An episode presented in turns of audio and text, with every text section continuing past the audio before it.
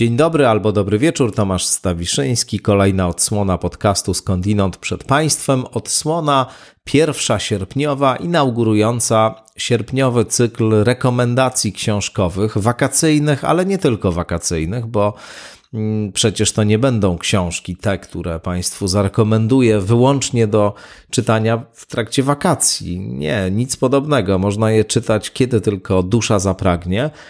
No, ale myślę, że właśnie wakacje są dobrym czasem na to, żeby takie rekomendacje poczynić, no bo więcej mamy zazwyczaj czasu. Nie zawsze i nie wszyscy, oczywiście to pewien idealny model tylko, żeby po jakieś lektury zaległe mm, sięgać. No i ja zamierzam Państwu tutaj właśnie w sierpniu co tydzień taką rekomendację dawać. To będą rzeczy, które mnie samego jakoś fascynują takie lektury, które i dla mnie są ważne, które we mnie jakiś ślad emocjonalny, intelektualny albo jakikolwiek inny, może nawet duchowy pozostawiły. Takich tu Państwu będę rekomendował autorów i takie autorki. No, kierując się też dewizą tego podcastu, którą myślę wszyscy, którzy już trochę z nim mają do czynienia, znają. Taką mianowicie, że Najważniejsze w tym wszystkim, w całej tej pisarsko-mówionej działalności jest po prostu komunikowanie się z innymi, a zatem dzielenie się z innymi. No więc ja się zamierzam z Państwem dzisiaj i w ogóle w tym miesiącu dzielić, podzielić różnymi moimi literackimi i nie tylko literackimi w sensie literatury pięknej, ale książkowymi w każdym razie fascynacjami.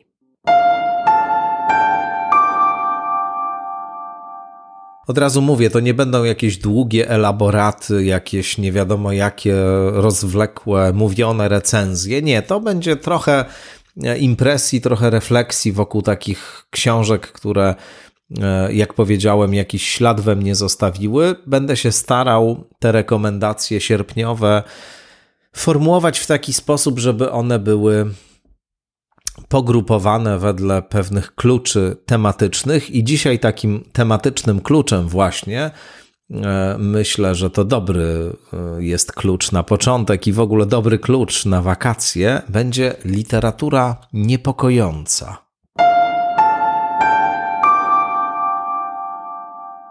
Kto z Państwa oglądał taką rozmowę, którą w Big Book Cafe przeprowadziła ze mną niedługo przed pandemią Paulina Wilk. Do obejrzenia jest ta rozmowa na YouTubie. No może niektórzy z Państwa byli e, wtedy w Big Book Cafe tego wieczoru. No, wspaniały to był wieczór, wspaniała rozmowa jak zawsze z Pauliną, ale jest takie nagranie książki mojego życia, nazywa się cykl, który Paulina w Big Book Cafe prowadzi. Mnie zaprosiła i pod tym hasłem książki mojego życia Tomasz Stawiszyński mogą Państwo to nagranie zobaczyć. Ale jak już pewnie wiedzą ci, którzy to nagranie widzieli, ja jestem od bardzo, bardzo dawna wielbicielem literatury grozy, literackiego horroru. Jestem wielbicielem bardzo wybrednym, nie takim, który czytałby wszystko, co wpadnie mu do ręki. Są i tacy, i takich znam, i też bardzo szanuję takich twardych, ortodoksyjnych fanów, którzy e, kolekcjonują i czytają wszystko bez mała, co w tej dziedzinie czy w tym gatunku się pojawia. Nie, no. Ja do nich nie należę. W ogóle zasadniczo rzecz ujmując, pewien rodzaj wybredności, także w odniesieniu do różnych innych mm, obszarów i sztuki, i filozofii, i wszelkich innych form ludzkiej aktywności intelektualnej mi towarzyszy. To znaczy, ciężko mi się obcuje z rzeczami, które rzeczywiście nie angażują mnie emocjonalnie, jakoś mi się nie podobają. Nie czytam za bardzo z obowiązku. No, kiedyś czytałem z obowiązku, dzisiaj już się staram z obowiązku nie czytać. Czytam raczej i sięgam po takie rzeczy, które naprawdę budzą moją głęboką fascynację. No i takich właśnie e, kilka e, książek chciałbym dzisiaj Państwu z tego nurtu literatury niepokojącej polecić. No, ale zanim te nazwiska się pojawią, to najpierw pewne istotne tutaj zastrzeżenie muszę poczynić. Otóż zapewne są wśród Państwa tacy, którzy jak tylko słyszą horror, groza, fantastyka, no to natychmiast uznają, że to nie dla nich, nie ma sensu w ogóle po to sięgać, bo nie lubią tych gatunków, nie lubią prozy, która właśnie w tych denominacjach się mieści, w tych stylistykach i zakładają zatem, że to nie dla nich. Jeśli są tacy pośród tych, którzy słuchają mnie teraz, to błagam, poczekajcie jeszcze chwilę a generalnie to w ogóle porzućcie ten mit, to zgubne przekonanie, irracjonalne głęboko i krzywdzące przede wszystkim dla Was samych, ponieważ pozbawiające Was dostępu do naprawdę pereł i nie tylko literackich, bo filmowych też oczywiście, no ale my tutaj o literaturze będziemy rozmawiać. Pamiętam, jak w latach 90 E, czy właściwie nawet na przełomie lat 80. i 90., kiedy już w moim domu pojawiło się upragnione wideo. Mm, ci, którzy e, przeżywali dzieciństwo i młodość w latach 80., no to pamiętają oczywiście kasety VHS i e, kult, jaki otaczał magnetowidy i odtwarzacze kaset VHS wówczas. Ja bardzo długo chciałem mieć wideo, ale z powodów finansowych niestety nie mogliśmy sobie na to pozwolić. No i wreszcie udało mi się zdobyć jakieś e, używane, czy właściwie mojej mamie się udało zdobyć takie e, używane wideo, czy też jak należałoby powiedzieć, używany magnetowid, e, który, no może kiedyś o tym opowiem przy innej okazji, stał się źródłem tyleż wspaniałych doświadczeń, co licznych upokorzeń, ale jak powiadam, to nie jest historia na dzisiaj. O przerażającym magnetowidzie opowiem e, innym razem, ale kiedy już się udało zdobyć ten upragniony magnetowid, no to zacząłem jeździć na bazar Volumen w Warszawie. Legendarny bazar, mm, być może Państwo o nim słyszeli, z pewnością są tacy, co na nim nieraz byli i bywają do tej pory. W latach, e, na przełomie lat 80. i 90., wolumen e, to był bazar, na którym wciąż jeszcze sprzedawano dużo książek. Jak sama nazwa wskazuje, prawda? Wolumen ostatecznie książek, monet, różnych kolekcjonerskich, dziwnych rzeczy. Mm, też oczywiście handel odbywał się tam warzywami i owocami w tygodniu, no ale w niedzielę to zawsze była e, giełda i z książkami, i z numizmatykami, i przede wszystkim z elektroniką, i był też taki plac, na którym sprzedawano kasety wideo, rzecz jasna pirackie. Piractwo w ogóle wtedy kwitło. E, jak sobie przypominam dzisiaj, co tam można było kupić na tym bazarze, co się znajdowało na etykietach owych kaset wideo sprzedawanych bez żadnej krempacji, otwarcie, porozkładanych w pudłach kartonowych, to powiem szczerze, że aż mi się nogi uginają.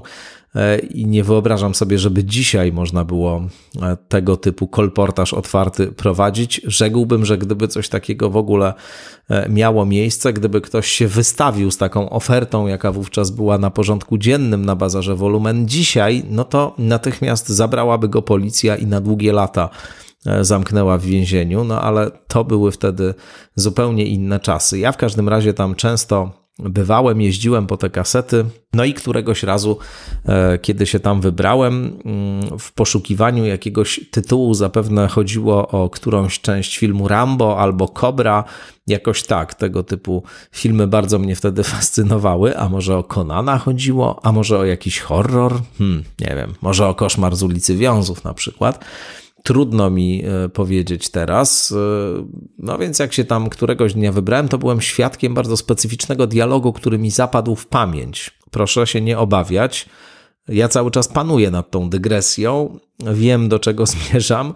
Zacząłem od tego, żeby ci z Państwa, którzy mają naturalną niechęć do horroru i fantastyki, powstrzymali się na razie przed e, wyłączeniem tego podcastu, albo przed w każdym razie takim przekonaniem, że z całą pewnością nic ciekawego nie czeka ich w kontakcie z tą literaturą. No więc wracając na bazar wolumen w latach 80. E, i 90., na przełomie w szczególności lat 80. i 90., otóż Kiedyś tam przyjechałem i e, pewna pani, która tam e, regularnie handlowała kasetami, chodziła, pamiętam, po tym placu i dopytywała, czy ktoś mógłby jej dać w ramach wymiany, bo tam również i wymiana kaset się odbywała za opłatą. E, cytuję komedię, jakąś komedię. Wszystko jedno jaką, byleby to nie był film sensacyjny, byleby to nie był nie wiem, melodramat y, albo film y, na przykład z gatunku horroru, właśnie nie. Chodziło specyficznie o komedię. Mnie to wtedy bardzo zdziwiło, mówiąc szczerze, bo wydawało mi się, że takie y, poszukiwanie y, wyłącznie gatunku filmowego, to znaczy a prioryczna predylekcja, żeby film wyłącznie jednego gatunku y, pozyskać i żeby go następnie zapewne obejrzeć, a żeby to specyficznie nie był z całą pewnością film żadnego innego gatunku E, bez względu na to, czy to dobry film, czy zły film, no wydała mi się wówczas e, jakaś zupełnie egzotyczna i dziwaczna. Ja tam jeździłem zawsze po to, żeby zdobyć jakiś konkretny film i zupełnie mówiąc szczerze mnie nie interesowało, czy to jest film takiego czy siakiego gatunku. Po prostu były różne filmy różnych gatunków. Jedne filmy były dobre, a inne filmy były niedobre i zupełnie nie miało to związku z tym, jakiego one były gatunku. W każdym gatunku zdarzały się filmy dobre i niedobre. Tu piję oczywiście też do tego, co powiedziałem na samym początku, że nie jestem typem zbieracza, kogoś, kto ogląda wszystko e, spod egidy literacki horror, tylko że mam pewne swoje wybrane książki pewnych swoich wybranych autorów, których szczególnie cenię. No i właśnie tymi autorami chcę się z Państwem tutaj podzielić. Nie dlatego, że to są autorzy, którzy tworzą ten właśnie, a nie inny gatunek literatury niepokojącej, powiedzmy, tylko dlatego, że to po prostu są bardzo, bardzo wybitni autorzy i autorki. Od co? Literatura nie ma gatunku, ta dobra, wybitna literatura. Daję słowo, sami się przekonacie, jak przeczytacie to, co chciałbym Wam teraz tutaj zaproponować.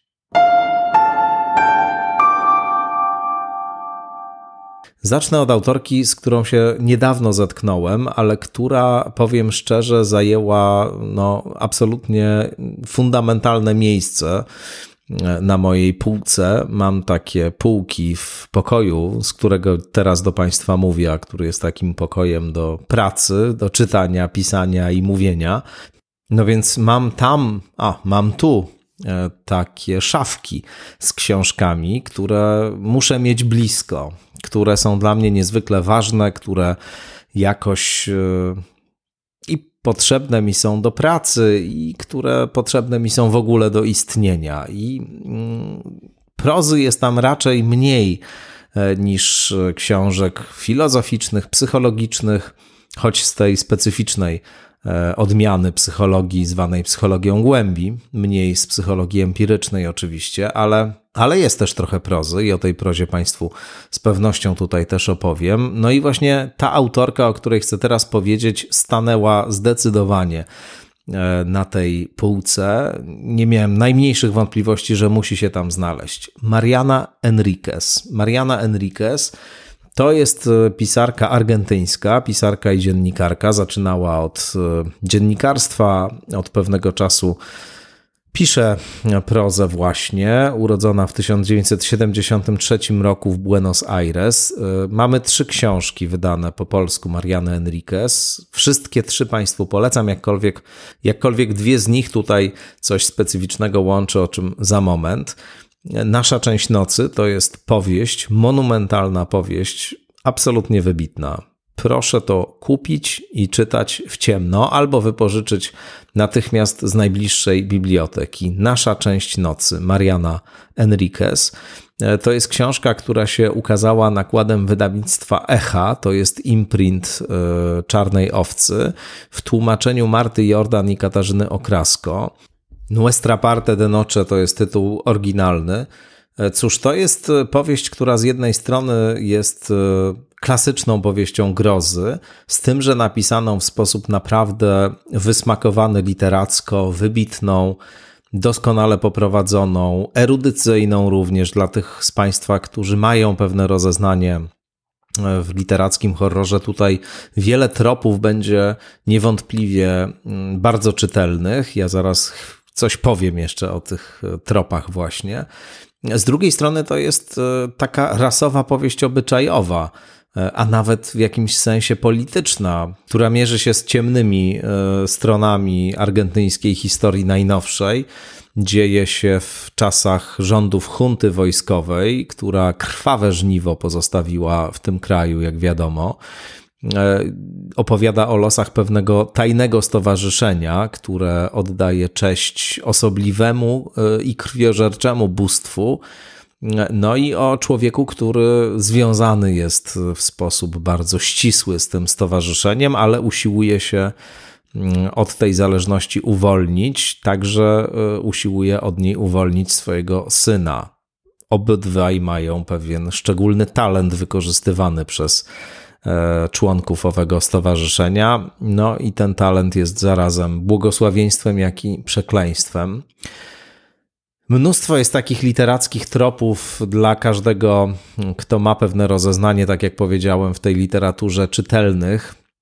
Mariana Enriquez tutaj nawiązuje i do Howarda Phillipsa Lovecrafta, i do E, Stephena Kinga i do Clive'a Barkera, o którym jeszcze za moment Państwu parę słów również powiem. Zresztą z wielkim ukontentowaniem przeczytałem jakiś czas temu wywiad z Marianą Enriquez właśnie, gdzie ona tych autorów też i mi bliskich wskazała jako źródła swojej głównej inspiracji. Jest tutaj też dużo odniesień do tej klasycznej literatury iberoamerykańskiej, oczywiście, ale nie przesadnie dużo. To znaczy, ona korzysta niewątpliwie z tej tradycji, znają, jest w niej dobrze zakorzeniona, ale jednak dla niej takimi podstawowymi punktami odniesienia są ci autorzy, o których wspomniałem, i to daje niezwykle interesujący efekt. To znaczy to połączenie takiego popularnego horroru, choć o Barkerze to ciężko powiedzieć, żeby to był popularny horror, ale takiego horroru, który korzysta z różnych rekwizytów e, oczywistych dla tego gatunku, z bardzo szczególną wyobraźnią e, Enriquez i właśnie z różnymi środkami literackimi rodem z no, tradycji, która zupełnie nie ma wiele wspólnego z literaturą popularną, daje niesamowity efekt. Ta książka jest naprawdę niesamowita.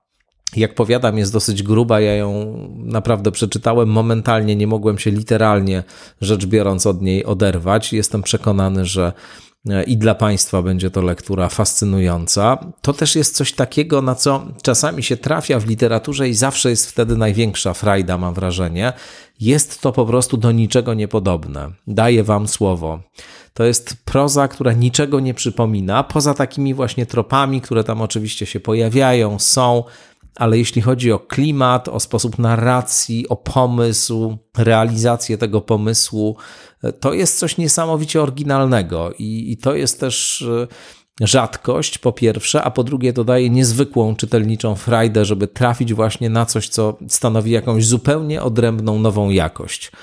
Niewątpliwie Mariana Enriquez jest właśnie taką autorką. Mamy jeszcze oprócz tego, jak powiedziałem, dwie książki, oprócz naszej części nocy.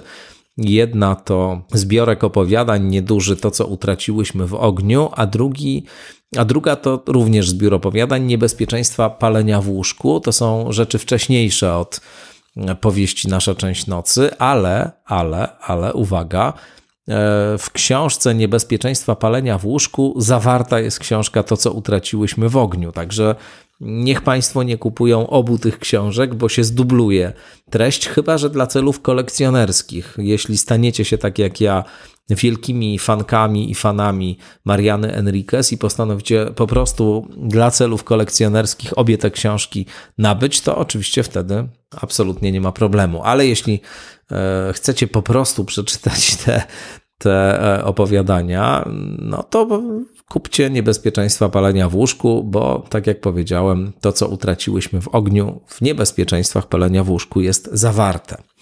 Mariana Enriquez, naprawdę z całego serca polecam.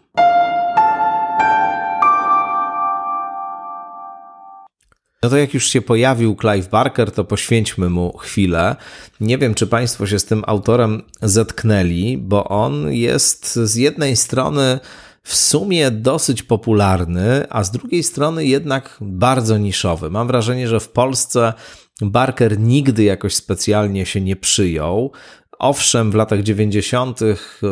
publikowano mm, jego książki, głównie e, w, no, w tych seriach horrorowych wydawnictwa Phantom Press, ale też i Rebis Clive'a Barkera na przykład wydawał.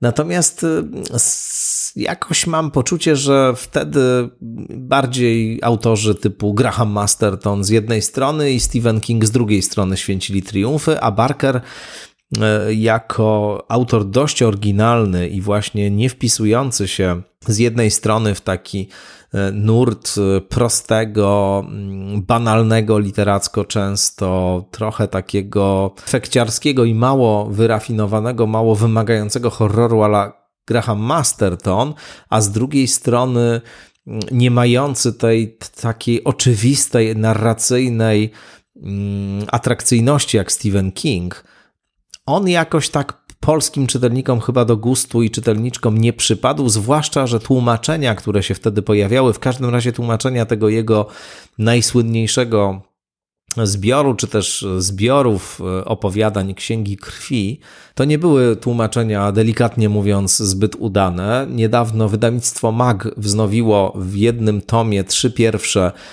e, tomy Ksiąg Krwi e, w serii horrorowej swojej i teraz rzeczywiście te tłumaczenia są porządne i one oddają sprawiedliwość wyrafinowaniu literackiemu Barkera, ale wówczas no rzeczywiście one były bardzo słabe. Inna sprawa, że wszystkie tłumaczenia wtedy e, poza Kingiem, bo King akurat od początku tłumaczony był dobrze, raczej były nie najlepszej jakości, z wyjątkami rzecz jasna, to, to nie jest jakaś super e, ścisła reguła. No ale tak jak powiadam, mam poczucie, że Clive Barker niespecjalnie na polskim rynku się e, przyjął. A szkoda, a szkoda, bo to jest autor również totalnie oryginalny, niepodobny do nikogo i do niczego. E, autor, który zasłynął właśnie tym cyklem e, opowiadań najpierw, Księgi Krwi, które można powiedzieć mieszczą się w klasycznym rozumieniu gatunku. To są horrory rzeczywiście, z akcentem na body horror czasami, ale generalnie rzecz biorąc, e, choć niezwykle znowu swoiste, specyficzne, naznaczone taką e, nieokiełznaną dosyć wyobraźnią, to jednak gatunkowo nie ma tutaj wątpliwości, z czym obcujemy. Ja trafiłem na Clive'a Barkera właśnie jakoś w latach 90., kiedy byłem zapalonym czytelnikiem Stephena Kinga. No i trafiłem e, na jakieś wydanie ksiąg krwi, właśnie, gdzie był cytat ze Stephena Kinga, e, który rzeczywiście po lekturze owych ksiąg krwi w latach 80. wydawanych, Parker to jest e, pisarz urodzony w 1952 roku, dodajmy. Otóż King po lekturze owych ksiąg krwi powiedzieć miał, znaczy, na, naprawdę tak powiedział, albo tylko napisał takiego blurba. Cytuję: I have seen the future of horror, his name is Clive Barker. Widziałem przyszłość horroru, imię jej to Clive Barker. No i trudno było po takiej rekomendacji dla kogoś, kto mienił się wielkim fanem Stephena Kinga wówczas, a ja się mieniłem wielkim fanem w wieku lat kilkunastu. Z zapartym tchem czytałem kolejne wydawane przez wydawnictwo Amber wówczas tomy e, prozy Stephena Kinga. Trudno było komuś takiemu nie popędzić natychmiast do księgarni i nie kupić wszystkich dostępnych książek tego autora. E, no, niewątpliwie czułem, że tłumaczenia pozostawiają wiele do, do życzenia, ale zarazem, no, powiem szczerze, ta wyobraźnia rzeczywiście kompletnie nieokiełznana, taka no, dość krwawa, nie oszukujmy się, dziwaczna e, i przerażająca, jednak e, miała dla mnie pewien uwodzicielski wymiar. Niedługo później zetknąłem się z filmem na kasecie wideo, skądinąd oczywiście na bazarze Volumen, nabytym w reżyserii e, Clive'a Barkera i z jego scenariuszem na podstawie jego książki, która też i po polsku została wydana jako Powrót z piekła. E, zetknąłem się oczywiście z filmem Hellraiser, znanym każdemu wielbicielowi horrorów, e, który to film był wielkim hitem wówczas i e, na kasetach wideo szeroko był kopiowany i podawany sobie z rąk do rąk. Ten film uczynił z Barkera przez chwilę gwiazdę hollywoodzką, kogoś, kto stał się takim niezwykle wpływowym autorem i przed kim wydawało się Hollywood stoi otworem. Późniejsze filmy, które on nakręcił, już były klapami. Później jakoś ta przygoda jego z Hollywood się zakończyła, chyba w nie najlepszej atmosferze skądinąd, ale on też zarazem zaczął pisać powieści, które w ogóle niewiele miały wspólnego już z horrorem i zupełnie przestał mieścić się w tej szufladzie, czy też w tej etykiecie, którą mu Stephen King e, chcąc nie chcąc przyprawił. Ukazywały się po polsku te książki, przede wszystkim dwie mam na myśli, które no naprawdę, powiem szczerze, były dla mnie głęboko y, poruszającymi lekturami.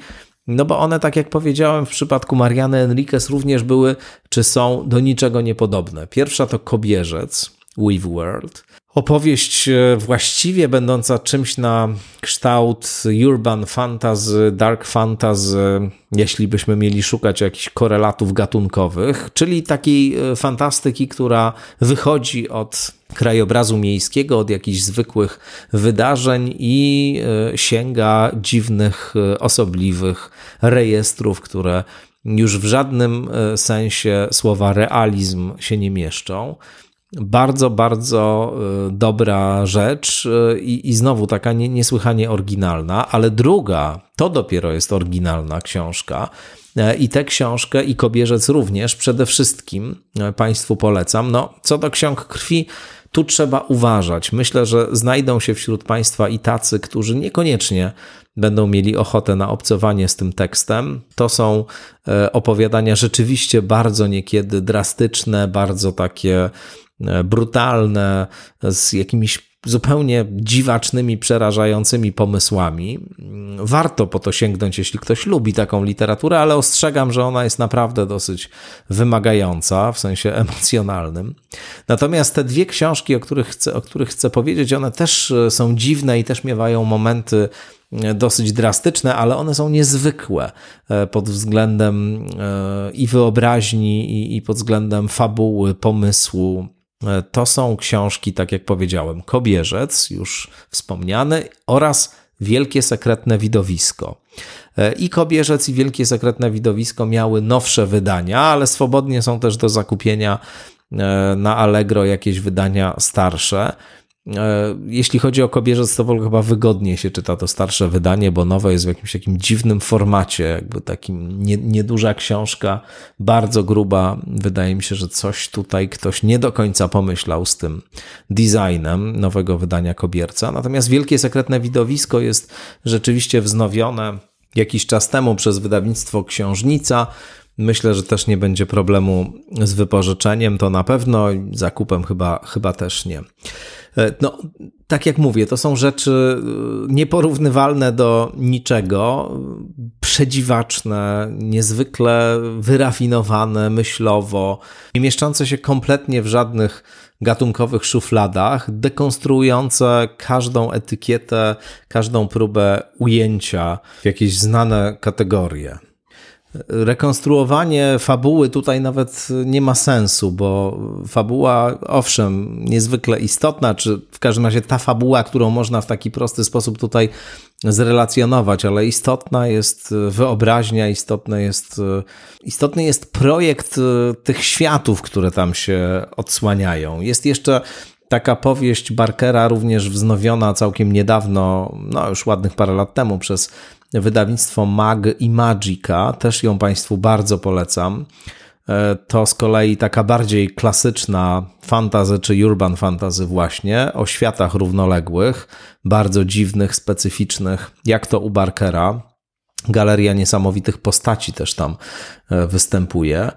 E, nie po wszystko chyba samego Barkera radziłbym sięgnąć. Jest kilka pozycji słabszych, ale te, które wymieniłem, to są rzeczy, które z pewnością Państwu e, przyniosą bardzo wiele radości e, podczas tych różnych sierpniowych dni albo nocy, w których będziecie sięgać po te książki. To jest też człowiek, ale to już jest zupełnie osobna sprawa, niezwiązana z jego twórczością, którego mam wrażenie, jego własna wyobraźnia jakoś pochłonęła. Jak Państwo zobaczą Clive'a Barkera, powiedzmy z 89 czy 8 roku i Clive'a Barkera z roku 2000 10, nie wiem, 15 albo 2022, to zobaczycie, co mam na myśli. Jakiś dramat generalnie mocny w tym życiu się chyba wydarzył, no też splątany życiorys, bardzo trudny, choć dzieciństwo niemal sielskie. Jest taki film o Barkerze E, mogą go Państwo też na YouTubie zobaczyć z wczesnych lat 90. Brytyjski film, bo to brytyjski autor, właśnie w którym wypowiadają się jego rodzice, którzy zastanawiają się, jak to właściwie jest możliwe, że w jego głowie powstały tak przedziwaczne wizje. No właśnie to jest też zastanawiające, jak to jest możliwe, że w tej głowie takie wizje powstały, ale autor niewątpliwie wart jest e, Waszej uwagi. Także ta jego twórczość, nazwijmy to z pogranicza sztuk e, literackich i wizualnych, jest bardzo ciekawa. Filmy w jego reżyserii są trzy: Hellraiser, Nocne Plemię i Władca Iluzji. Powiem szczerze, no nie da się tego generalnie za bardzo dzisiaj chyba oglądać. Może ktoś z Państwa spróbuje. Hellraiser ma mieć e, odsłonę bodaj w tym roku. Powstał remake tego filmu. Bardzo jestem ciekaw, jak się on e, uda. Na podstawie Barkera był też film bardzo znany w latach 90. pod tytułem Candyman. Też na nowo zekranizowany niedawno. Pojedyncze filmy też na podstawie różnych jego y, opowiadań y, są, takie bardziej niezależne. One są godne uwagi również. Barker napisał również y, scenariusze do gier komputerowych Undying i Jericho. To są dwie gry komputerowe właśnie wedle scenariuszy Barkera powstałe, też książka dla dzieci, komiksy, obrazy. Mm, no, to jest człowiek rzeczywiście o, o niespożytych siłach twórczych podupadły bardzo poważnie na zdrowiu w ostatnich latach, ale zdaje się, że się jakoś poskładał. No, jest już panem e, około 70, więc wiadomo, że to nie jest czas najbardziej takich intensywnych twórczych erupcji, ale zapowiada kolejne powieści zapowiada jakieś nowe projekty, także mam nadzieję, że rzeczywiście po, po tych no, kilkunastu latach jakiegoś poważnego zdrowotnego, psychologicznego kryzysu on się jednak dźwignie, ale to, co jest dostępne, to naprawdę rzeczy bardzo frapujące, no i te wspomniane powieści przede wszystkim Państwu polecam. Kobierzec i Wielkie Sekretne Widowisko. Najpierw to przeczytajcie, a później może będziecie mieli ochotę sięgnąć po coś innego jeszcze.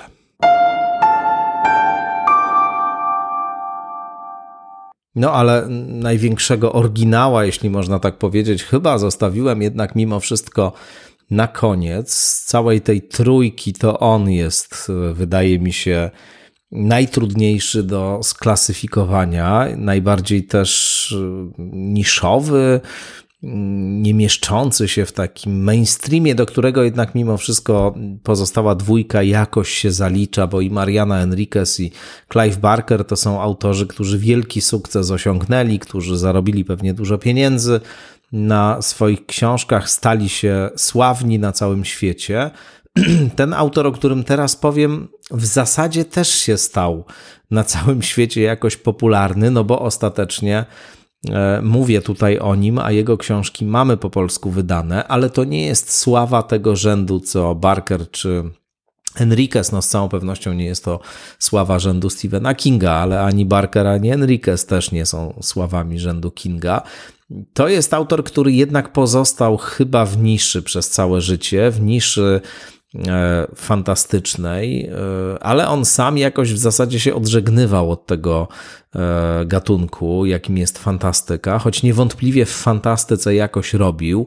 Jest taki podgatunek czy subgatunek fantastyki, który nazywa się Weird Fiction, New Weird to jest e, ta nowsza proza tego typu. Różni autorzy się tam mieszczą, Jeff Vandermeer na przykład, albo China Mayeville, albo wydawane przez wydawnictwo Okultura, które ma tutaj pewien związek z autorem, o którym zaraz powiem, Thomas Ligotti. E, a związek ma taki wydawnictwo Kultura, że właśnie o owym autorze usłyszałem od mojego przyjaciela Darka Misiuny, który jest szefem Okultury. No dobrze, to muszę tego autora wreszcie przedstawić. Lucius Shepard. Lucius Shepard.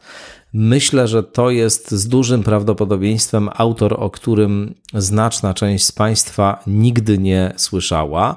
Lucius Schepard. Przez samo H się go pisze, już tak żeby Państwo mogli sobie to nazwisko wpisać w Google, mówię.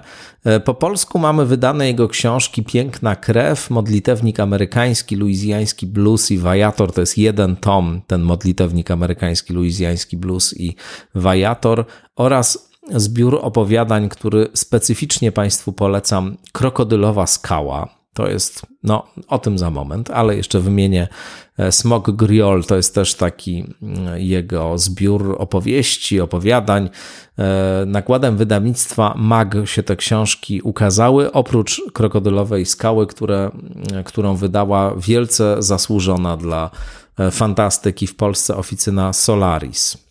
Powiem szczerze, że nie mam pomysłu, jak tego Sheparda scharakteryzować. On sam e, ponoć mawiał, że jego twórczość zalicza się do gatunku magicznego realizmu. A, byłbym zapomniał, przepraszam bardzo. Jeszcze mamy jedną książkę, widzicie Państwo to. Dlatego, że autor jest nieoczywisty. Otóż po polsku książka nazywa się Zielony kocur diabła. Uwaga, Zielony kocur diabła. Jak się nie trudno domyślić, kiedy tylko się usłyszy tego rodzaju tytuł, jest on dziełem jakiegoś polskiego albo redaktora, albo menedżera. Przyznacie Państwo, nikt nie wymyśliłby poza jakimś polskim specem tego rodzaju nazwy. W ogóle cóż to za absurdalny zwyczaj, żeby nazywać książki inaczej niż e, to sobie obmyślili autorzy, a w każdym razie inaczej niż one się nazywają w wersji oryginalnej. Wydaje mi się to jakaś zupełnie absurdalna działalność, w której wszakże właśnie my chyba przodujemy. Przypomnę słynnego elektronicznego mordercę, ale to przecież nie jest tylko jeden, jedyny przykład. W każdym razie ta książka w oryginale nazywa się Life During Wartime. Life During Wartime. I jest to taki specyficzny gatunek y, polegający na tym, że mamy tutaj do czynienia w zasadzie z y, nowelami, takimi dłuższymi opowiadaniami. Jest ich tu pięć, ale mm, one się układają w powieść. Zresztą jedna z tych noweli, właśnie e, Przepustka, znajduje się w e, zbiorze Krokodylowa Skała, który serdecznie Państwu rekomenduję. Wiecie Państwo, no ciężko mi na dobrą sprawę coś więcej na temat tego Szeparda powiedzieć, bo trochę brakuje pojęć, żeby mówić o tej prozie. Są to jedne z najbardziej dziwnych, niesamowitych opowiadań, z jakimi się w życiu zetknąłem. Te opowiadania z krokodylowej skały, właśnie to bym Państwu rekomendował zdecydowanie na początek. Pięknie napisane, niesamowicie wymyślone, z jakimiś zupełnie oszałamiającymi pomysłami łączącymi rozmaite gatunki, rozmontowującymi kompletnie nasze myślenie o rzeczywistości, o świecie dookoła, używające różnych rekwizytów rodem a to z fantastyki, a to nie wiem, z science fiction, a to jeszcze z jakichś innych gatunków czy podgatunków, a zarazem no właśnie też, tak jak w przypadku pozostałej dwójki, absolutnie oryginalne. Dużo tam takich wątków z Ameryki Południowej się pojawia. Może dlatego, że Shepard tam dużo czasu spędził, znał dobrze te rejony świata i też e, dobrze znał jakąś lokalną mitologię, ale są też nawiązania do e, mitologii amerykańskiej, takiej miejskiej mitologii właśnie. Kapitalna jest ta opowieść e, luizjańska. Zresztą w ogóle Luizjana się tam pojawia parokrotnie w jego tekstach. Luizjański blues to jest ten tekst ze zbioru, w którym są trzy e, takie mini powieści Modlitewnik amerykański, luizjański blues i Wajator. No, przeczytajcie to po prostu. Zobaczycie, że nie czytaliście jeszcze naprawdę nikogo takiego. Warto tego autora czytać i warto, myślę, go polecać, bo no, on już nie żyje od kilku lat i myślę, że raczej nie ma wielkich widoków na to, że stanie się tutaj jakoś szczególnie popularny. Owszem, to, co było do przekładu, przełożone zostało, wydane, ale no nie wiem, chyba się jakoś super nie przyjęło. Mam wrażenie, że właśnie tylko w jakichś kręgach znawców specyficznej literatury i wielbicieli specyficznej literatury Shepard jest znany, a naprawdę, naprawdę warto po niego sięgnąć. Gwarantuję, że to będą niezwykłe zupełnie czytelnicze doświadczenia. No dobrze, to tyle na dzisiaj tych rekomendacji, e, jeśli chodzi o literaturę niepokojącą. No i zapraszam Państwa na rekomendacje za tydzień. Przygotuję kilka rzeczy, tym razem non-fiction, które mam nadzieję, że też będą dla Państwa ciekawe. No i też oczywiście będą to rzeczy nieoczywiste, nie takie, e, o których Państwo czytali na pierwszych stronach gazet, tylko raczej różne dziwne, nie do końca popularne, nie powszechnie czytane książki, które mi się w każdym razie wydają warte tego, żeby się nimi zająć, żeby je przeczytać specyficznie w trakcie wakacji, właśnie, na które mam nadzieję wszyscy z Państwa albo już wyjechali, albo wkrótce wyjadą. Tymczasem wszystkiego dobrego, no i do usłyszenia w kolejnych odsłonach skądinąd.